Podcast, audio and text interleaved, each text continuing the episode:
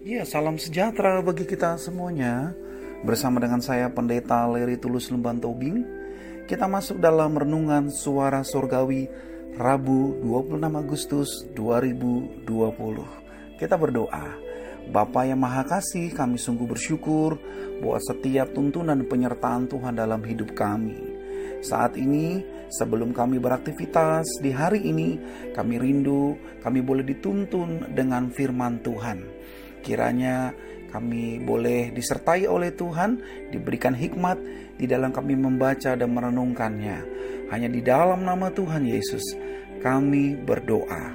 Amin. Ya saudara-saudara, tema yang akan kita renungkan pada saat ini ialah didikan iman. Kita akan membaca dari 1 Tawarik 28 ayat yang ke-9. Firman Tuhan berkata, "Dan engkau anakku Salomo, Kenalah Allahnya ayahmu dan beribadalah kepadanya dengan tulus ikhlas dan dengan rela hati. Sebab Tuhan menyelidiki segala hati dan mengerti segala niat dan cita-cita. Jika engkau mencari dia, maka ia berkenan ditemui olehmu.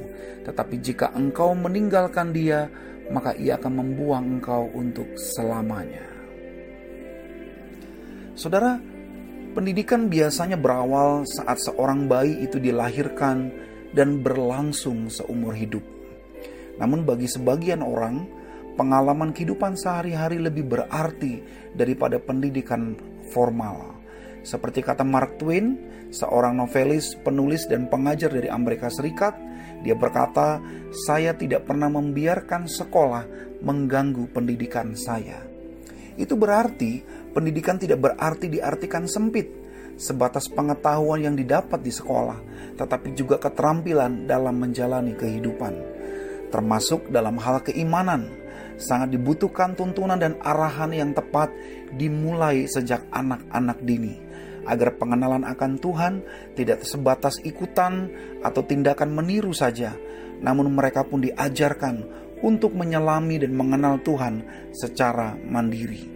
Inilah yang dilakukan oleh Daud kepada anaknya Salomo. Pengajaran keimanan itu terus diberikan, dipesankan sampai kepada usia dewasa. Bukan berarti yang dewasa itu sudah tahu segalanya lalu cukup. Di sinilah kita mengerti bahwa pendidikan tidak mengenal batas usia.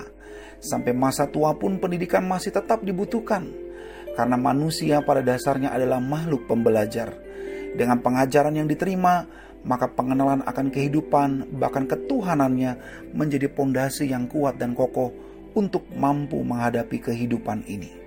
Kiranya kita sebagai anak ataupun orang tua tidak berhenti untuk belajar dan mengajarkan bukan sebatas pengetahuan umum, tetapi juga pengenalan akan Tuhan dengan benar, agar semua itu dapat membentuk karakter yang sangat baik, tangguh, jujur, dan tulus serta penuh kerelaan hati dalam melakukan segala sesuatu. Ingatlah, siapa yang mengindahkan didikan menuju jalan kehidupan, tetapi siapa yang mengabaikan akan tersesat. Tuhan menolong kita untuk membuka hati dan selalu mau belajar akan tuntunan Tuhan, sehingga itulah yang membuat kita lebih bijak dalam mengajarkannya kepada keluarga kita masing-masing. Amin. Kita berdoa, Bapak terima kasih buat setiap pembelajaran yang boleh kami terima di dalam kehidupan ini. Kami percaya Engkau juga boleh mengajarkan kami lewat kehidupan untuk kami semakin mengenal akan Tuhan. Kami memohon kiranya kami juga boleh diberikan hati untuk selalu terbuka dan mau belajar lewat tuntunan Tuhan melalui firman-Mu yang kami baca dan renungkan setiap hari. Saat ini kami mau serahkan aktivitas kehidupan kami Apa pun yang kami jalani hari ini, kiranya itu pun juga sebagai proses belajar kami untuk kami boleh mengenal Tuhan dengan benar. Kami mau serahkan kehidupan kami, keluarga kami, pekerjaan kami, dan semua orang yang kami kasihi. Kiranya semuanya boleh diberkati oleh Tuhan. Hanya di dalam nama Tuhan Yesus kami berdoa. Amin. Ya, selamat beraktivitas, tetap semangat. Tuhan Yesus memberkati kita semua.